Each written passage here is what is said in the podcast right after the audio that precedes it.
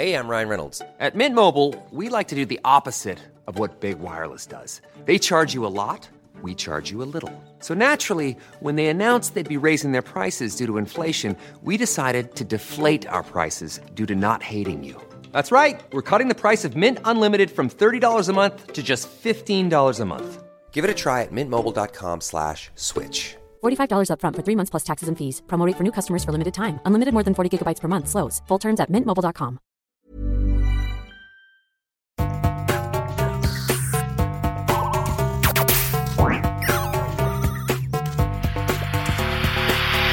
Jeg heter Sondre Risholm Livrød. Jeg er psykolog, og dette er Webpsykologens podkast. Hverdagspsykologi for fagfolk og folk flest.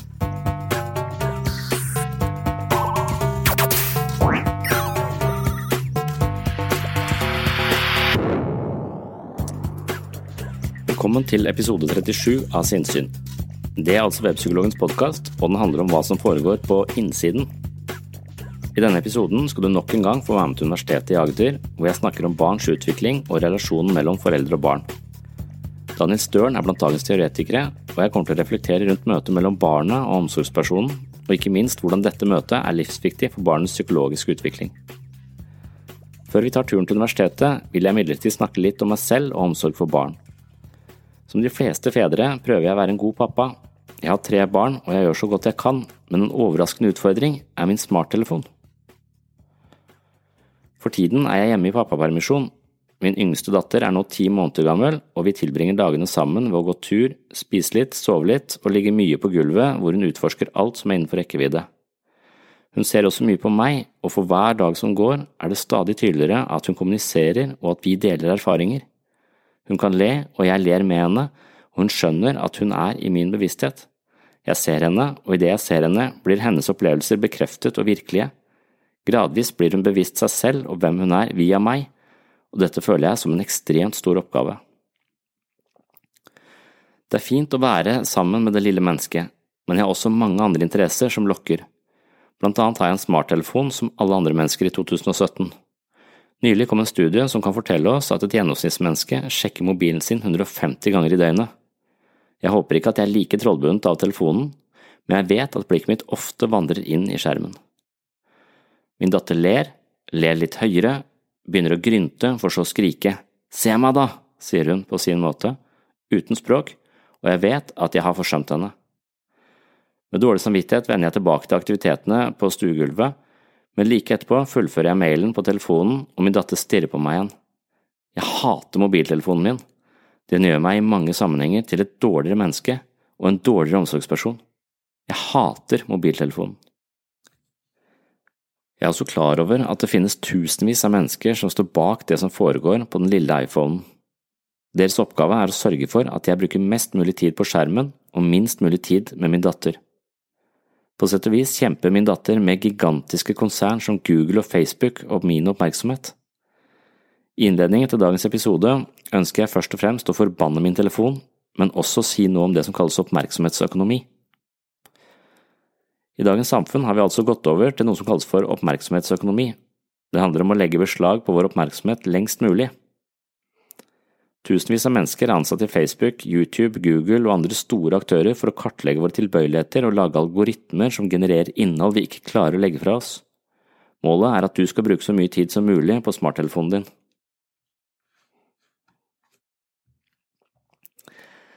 Hjernen vår er blant annet utstyrt med et eh, søkesystem som sørger for en slags eh, målrettet aktivitet. Søkesystemet er på sett og vis en del av den emosjonelle motoren som sørger for at vi engasjerer oss i våre små og store livsprosjekter.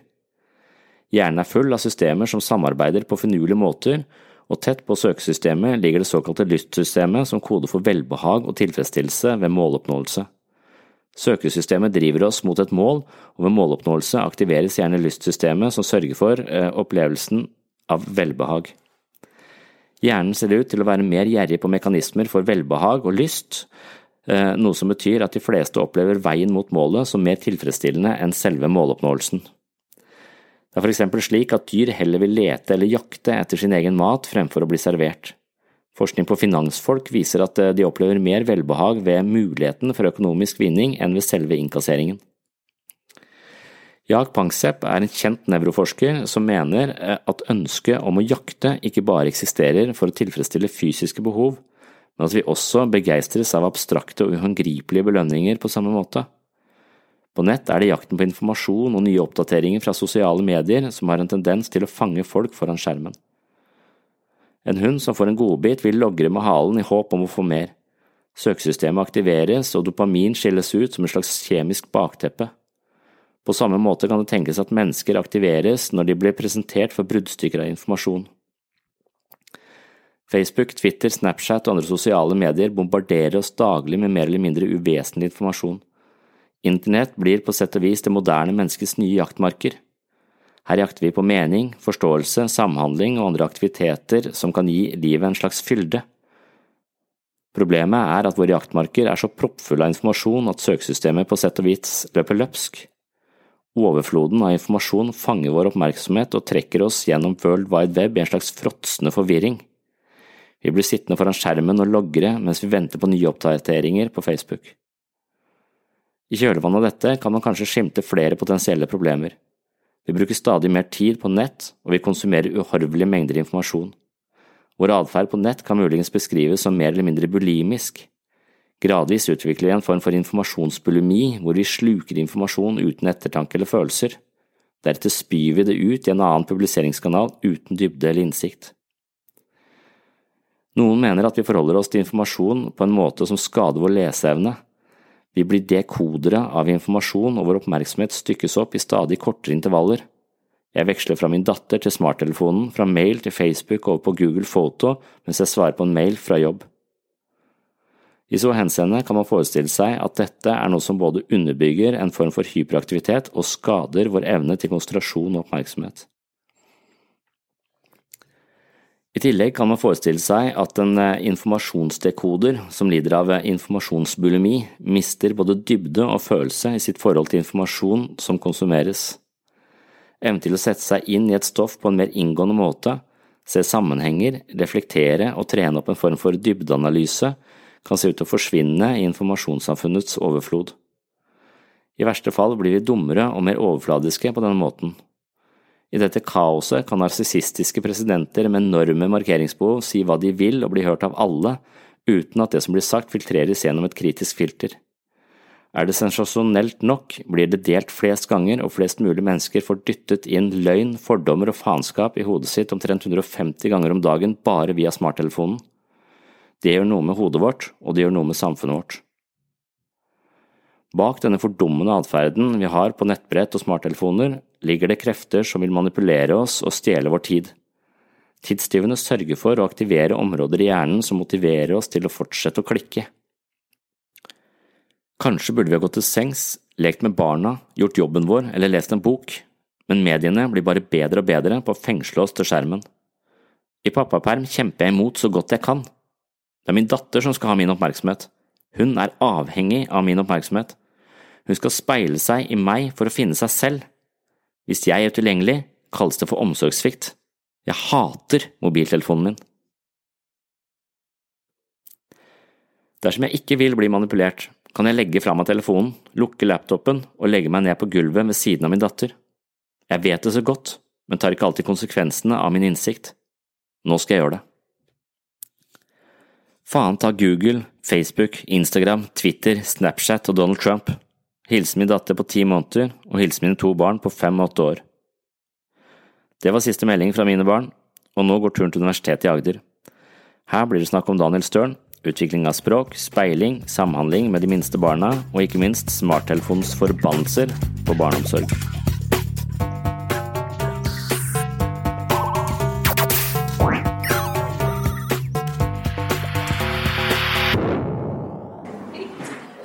Daniel Stern han sier om sin egen forskning at den er empirisk, utviklingspsykologisk og psykoanalytisk. Eh, og han er den første som gjør tilnærmingen mellom det kliniske barnet og det observerte barnet. Det er litt den eh, som vi snakket om forrige gang. altså at Nå begynner eh, utviklingspsykologien ikke lenger bare å være teoretisk, men også finne et visst empirisk belegg Så når man snakker om, om det kliniske barnet og det observerte barnet, så er det altså den, det kliniske barnet er den, det barnet vi har en teori om, om hva som foregår. og Det psykoanalytiske, altså en, en teori om hva hva som skjer eh, inni barnet. Mens det, eh, det, observerte barnet, det er det vi faktisk kan se og det vi kan eh, forske på. Og, og her har man bl.a. ved bruk av videokamera osv. kunne se veldig mye mer enn det man kunne før. Så han er opptatt, altså Daniel Stern er opptatt av indre og ytre reaksjoner hos barnet, og han ser på samspillet barnet bringer inn i kontakten. Så, så den forskningen her kan fortelle oss veldig mye mer, og det står mye om det i pensum, altså fortelle oss mye mer om hva, hva egentlig barnet er kapable til på ulike nivåer. Eh, når kjenner de igjen moren sin, f.eks.? De sier etter tre dager. Hvordan finner man ut det? Eh, man kan legge en klut med morsmelk på hver side eh, av barnet, og så se, se om barnet snur seg til den siden som er mammalukt, eller den som er en fremmed person. Da ser man at barnet kjenner igjen allerede fra et veldig tidlig tidspunkt, altså lukt av, av mor. Så, så, de har masse sånne eksperimenter de gjør for å finne ut av mer av hvordan klarer barnet egentlig å diskriminere denne verden som det har kommet inn i.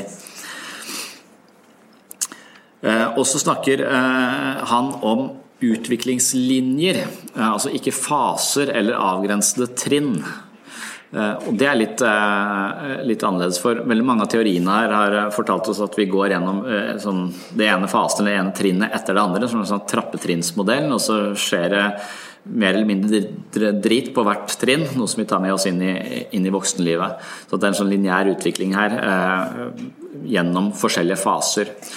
Det har en viss berettigelse, det, og det kan være greit å tenke, tenke sånn, men, men, det å tenke utviklingslinjer kan også kanskje være en, eh, en fruktbar måte å se, se, mennesker på. Og Det er også en av de måtene som jeg selv har syntes jeg eh, vet ikke om dette relaterer seg nok ikke til Daniel Støren, men, men det å snakke om utviklingslinjer, eh, det åpnet for å se på mennesket på litt andre måter når det gjelder dette med intelligens, f.eks. Eh, jeg tror det var Claire Grace som, eh, som begynte å operere med disse eh, Snakke om at det å måle mennesker ut ifra hvordan de scorer på en Vice-test, altså det som vi kaller ja, en IQ-test da, på folkemunne, altså en, en Vice-test som skal score sånn kognitiv kapasitet. Uh, og så tenke at denne IQ-en er sånn, litt sånn fastlåst uh, størrelse. Så mente Claire Grace at den måler bare en bitte liten brøkdel av det som det vil si å være, være menneske. Uh, og vi har tillagt den veldig mye verdi, men den, den, den, er så snever, den måler bare en bitte liten del av, av mennesket. Så han sier at mennesket er på en måte, han, han, setter opp en slags psykograf for mennesker hvor vi har mange forskjellige utviklingslinjer, hvor vi kan være mer eller mindre godt utvikla på mange forskjellige områder. Så Det betyr at vi kan ha en sosial intelligens, vi kan ha en moralsk intelligens, vi kan ha en kinestetisk, motorisk intelligens, eh, vi kan ha en emosjonell intelligens, vi kan ha en kognitiv eh, intelligens. Så han, han, jeg tror han identifiserte ca. 25 forskjellige intelligenser, eh, hvor mennesker var mer eller mindre høyt på forskjellige Eh, forskjellige områder. Så da var det ikke lenger spørsmål om hvor smart er du, men hvordan er du smart, er spørsmålet da. Eh, så det, det blir litt mindre stigmatiserende. Sånn, hvor smart er du på denne testen som måler vår menneskelige intelligens? som også på hvilket område er du smart? For alle mennesker hadde da forskjellige styrker på forskjellige eh, områder. Og da kan man se for seg at eh, kanskje Hitler var veldig intelligent. Men han hadde en veldig lav moralsk intelligens, eh, kanskje. Eller kanskje en veldig lav emosjonell intelligens. Da får du jo sånne eh, onde genier, f.eks., som eh, tegneseriene er fulle av. Ryan Reynolds here from Mint Mobile. With the price of just about everything going up during inflation, we thought we'd bring our prices down. So to help us, we brought in a reverse auctioneer, which is apparently a thing. Mint Mobile unlimited premium wireless. Have to get 30, 30, bit to get 30, bit to get 20, 20, 20, bit to get 20, 20, bit to get 15, 15, 15, 15 just 15 bucks a month. So, Give it a try at mintmobile.com/switch. slash $45 up front for 3 months plus taxes and fees. Promo for new customers for limited time. Unlimited more than 40 gigabytes per month slows. Full terms at mintmobile.com. Uh, kan man se for seg at uh, vi har en amerikansk president som har den profilen, men jeg tror ikke han er intelligent heller. Jeg tror ikke han, så jeg tror han skårer forholdsvis lavt på veldig mange parametere der. Så, så, det er en litt annen måte å tenke på, at barnet utvikler forskjellige sider av seg selv i forskjellige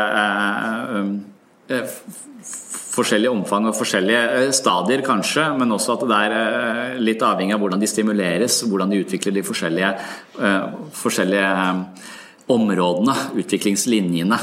Og jeg vet ikke om dette er tilfeldig, men våre nærmeste omgangsvenner. Der er vi at Jeg og kona mi er psykologer. Vi er opptatt av språk, sannsynligvis. Vi snakker mye. Jeg snakker mye. Det var en som sa om jeg kunne snakke litt langsommere, for det gikk litt fort. Tror ikke akkurat jeg har tatt hensyn til det i dag. Eh, jeg snakker forholdsvis raskt og mye, og vi er opptatt av språk, tror jeg. Jeg tror ikke vi er bevisst opptatt av språk overfor barna våre, men jeg tror at det er det som eh, så, mens, mens, eh, vennene våre som er fysioterapeuter, de har kanskje mer sans dette med kropp og utvikling der sånn. Så eh, barna deres snakker kanskje ikke så mye som barna våre, men de sykler to år før våre barn. Og de kan svømme to år før våre. våre. Så jeg vet ikke om kanskje foreldrenes fokus også er med på å fokusere på noen utviklingslinjer. Og så kommer de etter de andre, da, men at det, er, at det er en, en, måte å tenke på. Så eh, hvis vi skal huske noe fra Daniel Stern, så er det de forskjellige eh, Eh, utviklingene som skjer i sånne, det han kaller kvalitative sprang. Eh, han snakker om et gryneselv, så her snakker han litt sånn eh, fasespesifikt igjen. Han snakker om et, et gryneselv, et kjerneselv, et subjektivt selv, et verbalt selv og et narrativt selv. Det første selvet, altså 0 til 8 uker, syns jeg kanskje er det vanskelige, det gryende selvet. Der er det snakk om amodal persepsjon, som handler om å sammenholde eller synkronisere ulike sanseinntrykk. Han snakker om noe som heter vitalitetsfølelse, som ikke er en sånn følelse som sinne eller, eh, eller sorg eller sånne kategoriske følelser, men det er rett og slett bare en slags nesten en slags volum på følelsene, hvor mye følelse det er. En slags vitalitetsfølelse, tonen på følelsene, eh, dreier det seg om. Jeg vet ikke helt hva slags relevans, eh, hvordan man skal putte det inn i, inn i en mer sånn praktisk kontekst, men jeg det er en del av pensum om eh, Daniel Stern. Eh, så omsorgspersonen har følelser som overføres i omsorgssituasjonen. Matchen mellom de som samspiller, bestemmer eh, hvorledes formen får. Så, så allerede her, altså Barnet kjenner igjen foreldrene, og, ganske tidlig så begynner de å kjenne igjen far også. Og, og han snakker om, om, samspillet fra null til åtte uker. Og, og dette samspillet har vi vært inne på ehm, eh, tidligere eh, i alle de andre teoriene. Men, men, det er altså dette med å, å som, vi har, som har snakket om, speile barnet. Altså barnet eh, finner seg selv i, i foreldrenes ansikt. Så vi spiller på en måte på lag med barna gjennom å speile de og se de. Og, og, og de, de, små barna ser du at de er veldig opptatt av ansikt, uh, uh, men så, de, så, klarer de ikke så lenge av gangen. Uh, så kikker de på deg en stund, smiler, du smiler, ler litt, så, men så tar de ansiktet vekk litt. Som om de skal ha en liten pause, og så er de tilbake igjen. Etter hvert som de blir eldre, så trenger de mer og mer av denne kontakten i, ansiktet. Og når de da ikke får den, så, så skjer det noe i, i barnets ansikt er sånn Se meg, se meg, se meg, jeg er her. Eh, fortell meg hvem jeg er. Vær i samspillet. Gi meg en følelse av å være i ett med deg. Gi meg en forståelse av at jeg er inni ditt hode.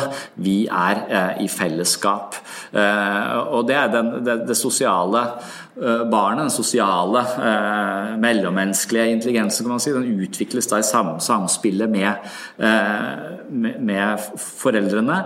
Eh, og, og, det er jo der, når vi da hele tiden tar, til, ser på telefonen istedenfor å møte barnets blikk, at uh, flere undersøkelser sier at det å ha foreldre på Facebook er det samme som å ha deprimerte foreldre som ikke da har kapasitet til å møte barnet uh, i, dette, i dette samspillet. Så Der sto det på slutten at det, eh, hvordan samspillet vårt er med de minste barna, det er med på å forme hjernen til barna, og da spesielt prefrontal eh, cortex. Eh, og en del andre teorier vil si at det, det verste et barn kan oppleve, er det, eller det man kaller et ubekreftet selv. Altså et selv som ikke blir sett, eksisterer nærmest ikke. Du må se meg på en eller annen måte for at jeg skal vite hvem jeg er, og for at jeg skal kunne øh, kode noe av det som foregår inni meg. Hvis du aldri blir sett, så vil du heller ikke ha noen fornemmelse for deg selv. Du vil ikke ha noe sense of self, øh, som er et av disse stadiene til, til Støren. Kjernecelle, altså det første eller nå kommer jo Kjernecelle være det andre, altså to til tre måneders alder. Kjerneselve beskrives som et fysisk selv hvor mening og sammenheng knyttes til kroppslig atferd og erfaring. Eh, Selvagens opplever å ha effekt og kunne påvirke omgivelsene. Selvregulerende annen. Opplevelse og internalisering av at følelsesmessig regulering er knyttet til samspillet med en annen. Og det er sånn, Når man har bitte små barn, så, så, så, kjenner man det at det er vår oppgave, eh, i mangel av eh, barnets egen eh, reguleringsevne, så, så, må vi hjelpe barn å regulere, eh, å regulere seg. Eh, det er helt tydelig at de etter hvert begynner å, å, å, få bedre motorikk, så de kan ta ting, sette i gang ting, snurre på noe som snurrer, og få en følelse av at det er de som gjør det, En følelse av å være en agent i livet som påvirker eh, omgivelsene. Ehm, ja. Eh, og så har de også indre representasjoner, hukommelsessystemer eller mentale skjemaer konstruert fra eh, faktiske samspillsepisoder. Uh, og Det vil også langsomt være en sånn Du ser at barnet tipper, jeg vet ikke om det er rundt tre-fire måneder, hvor, hvor barnet begynner å diskriminere mellom de de kjenner og de de ikke kjenner. Så nå har jeg en liten baby, så jeg syns det var forholdsvis tidligere enn jeg egentlig husket at, det, at, hun kunne, at, hun kunne, kjenne igjen familiemedlemmer. Eh, hun kjenner de eh, godt og smiler når vi er til stede, mens når det kommer eh, fremmede eller venner inn i, inn i huset, så, så, så, ser man at det er en skepsis mot dem. Og da er det den der social referring som vi snakket om tidligere, hvor, hvor, det er helt tydelig at hun kikker opp på, på, meg eller kona mi for å sjekke om den som har kommet inn, er, er greit at det er i stua vår. Uh, og Da vil hun se etter våre ansiktsuttrykk. Kodesituasjonen er den trygg, er den ikke, er den ikke trygg. Og spesielt menn med skjegg er, er det som syns er det mest skremmende. Jeg vet ikke om jeg er redd for terrorisme eller hva det er, hva det er for noe. Men det er ganske kjent at det er Ja. Så kommer det subjektive selve, er noe som Daniel Stern snakker om. Siste halvdel av første leveår. Barnet opplever at den andre reagerer på barnets indre verden. Eh, og det er den der intersubjektive kommunikasjonen. Eh, at, eh, og det, Min datter er seks, snart syv måneder, så det er akkurat der, der hun er. Hvor, hun, hvor, det er helt tydelig at det, vi, vi, nesten kan vi kan le sammen. Vi kan le av ting, og vi kan se at noe snurrer. Og så ser man at ja, det var morsomt at den, den snurrer. Vi har en felles opplevelse av, av noe. Vi, så, så vi, vi det er på en måte en, en, felles intensjon her om noe, eh, så vi er sammen om det. Det er en slags intersubjektiv kommunikasjon. Ja. Og da kommer det en sosial referering. at Det, som du så på barn på videoen, så peker så peker vi ja, vi ser det samme. Den er, og så kan vi dytte på den, og så beveger den seg. Og ja, vi ser det begge to. Eh, eh, og så eh, etter hvert så kommer det, det, det verbale selve. Eh, og det verbale selve det gjør noe ekstremt på en måte med, eh, med livet, kan man si. Altså når man plutselig får et språk og kunne håndtere symboler. Eh, du kan dele erfaring på en helt annen måte. Eh, språket både, binder og åpner verden, kan man si. Altså Språket kan bli fattig og ikke formidle det følelsesspråklige selvdomenet på en tilstrekkelig måte. Noe som kan føre til splittelse og fremmedgjøring også.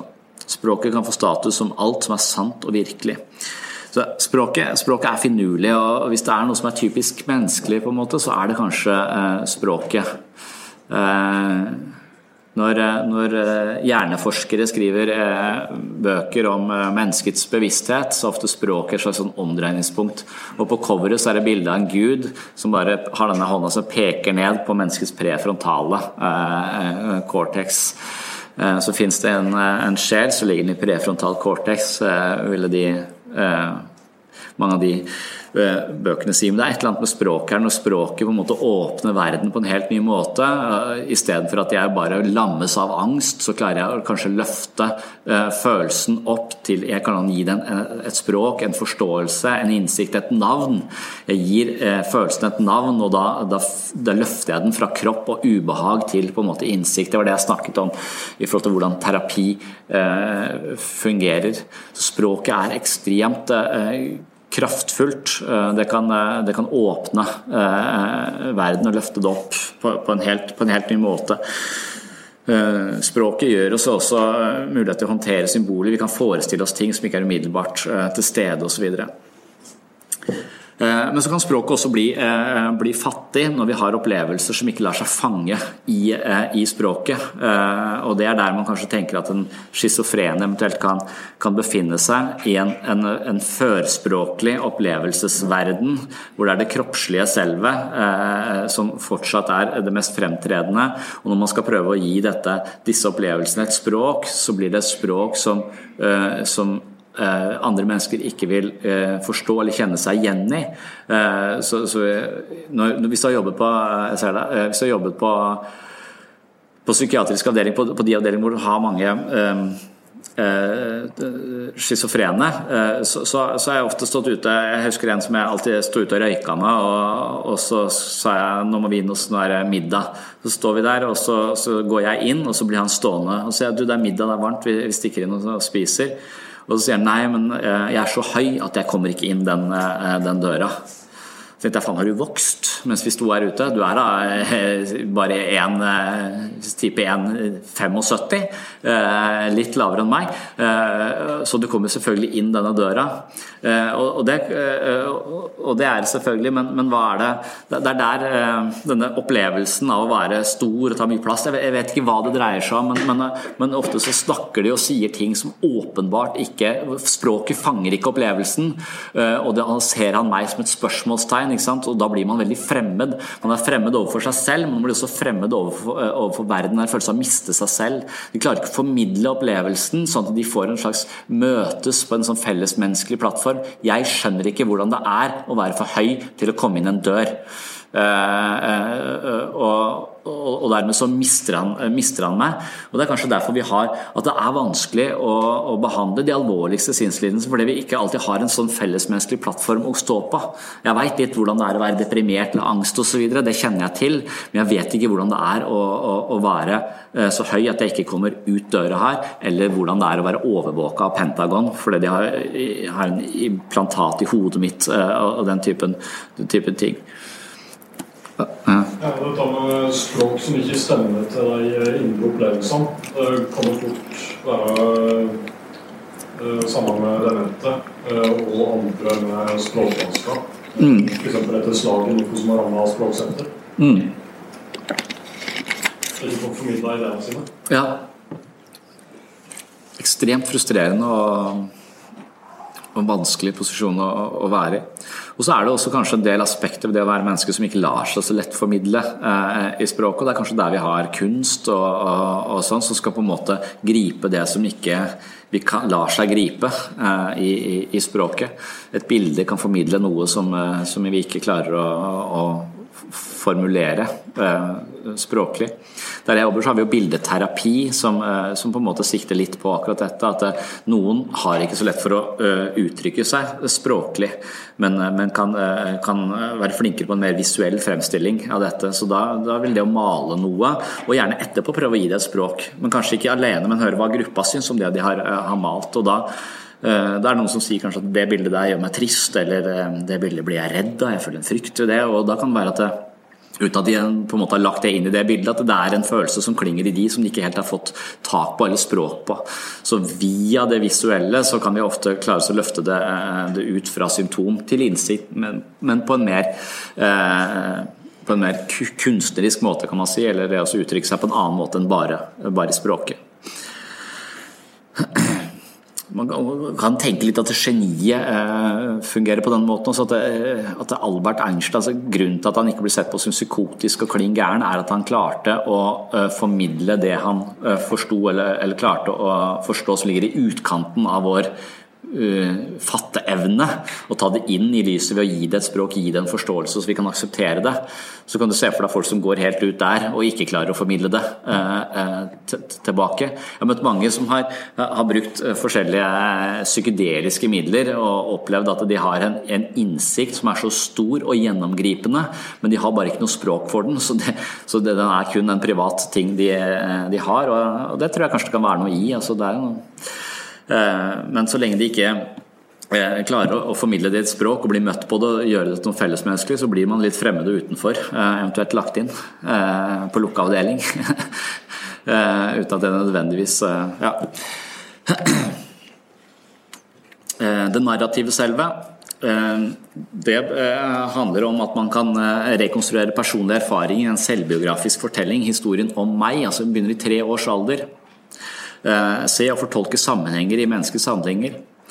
Eh, og det, det, er jo denne som vi har sagt, denne følelsen av å ha en fortid, en nåtid og en fremtid. Og dette er meg. Eh, jeg er sånn nå fordi jeg var sånn da. Uh, og jeg kommer til uh, å, få til det fordi at det sier erfaring. Den har en følelse av sammenheng i, livet. Hvis vi har masse vonde erfaringer hvor, hvor psyken vår rett og slett har måttet koble verden ut, så hender det at vi får hull i historien vår. Det kalles jo traumer, en posttraumatisk stresslidelse. Type traumer skaper ofte hull i denne følelsen av sammenheng og, kan Eh, risikere at disse hullene er noe som plutselig dukker opp som minnebilder vi ikke klarer å plassere. Plutselig så vi, blir vi overvelda av en, et eller annet bilde som bare dukker opp, eh, og så skremmer livet eh, av oss, som vi ikke klarer å sette inn i en sammenhengende forståelse av meg. Det er brudd i det narrative selve, og det gjentar seg gang på gang på gang. Og, og da kan jo En måte å forstå terapi på kan jo være å gjenfortelle historien om livet og tette hulla. på en måte finne ut, Lage en sammenhengende historie om dette er meg fra der til nå. Eh, og det fins aldri noen sannhet om, eh, om folks eh, fortid, men det finnes hele tiden fortolkninger av det. Når jeg selv har gått i terapi mange ganger, så har jeg fortalt historien om mitt liv. Og så har jeg registrert at jeg forteller den litt annerledes hver gang.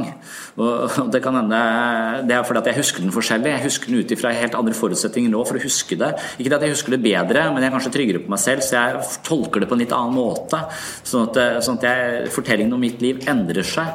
Og psykoterapien slutter der vi har fortalt en historie om eh, livet vårt som er så sammenhengende, og som, så, og som, kan fungere som en plattform vi kan leve godt videre på. Hvis vi forteller en historie om livet vårt hvor vi er et offer, og vi fortsatt er et offer, og vi kan ikke leve videre fordi at verden er så øh, vanskelig, og jeg er så øh, liten og, og, hjelpeløs, så må vi gå en ny runde. Fortelle en ny historie øh, som kan, kan skape et bedre, et bedre, utgangspunkt. En sammenhengende forståelse av hvem, hvem vi er som, som mennesker.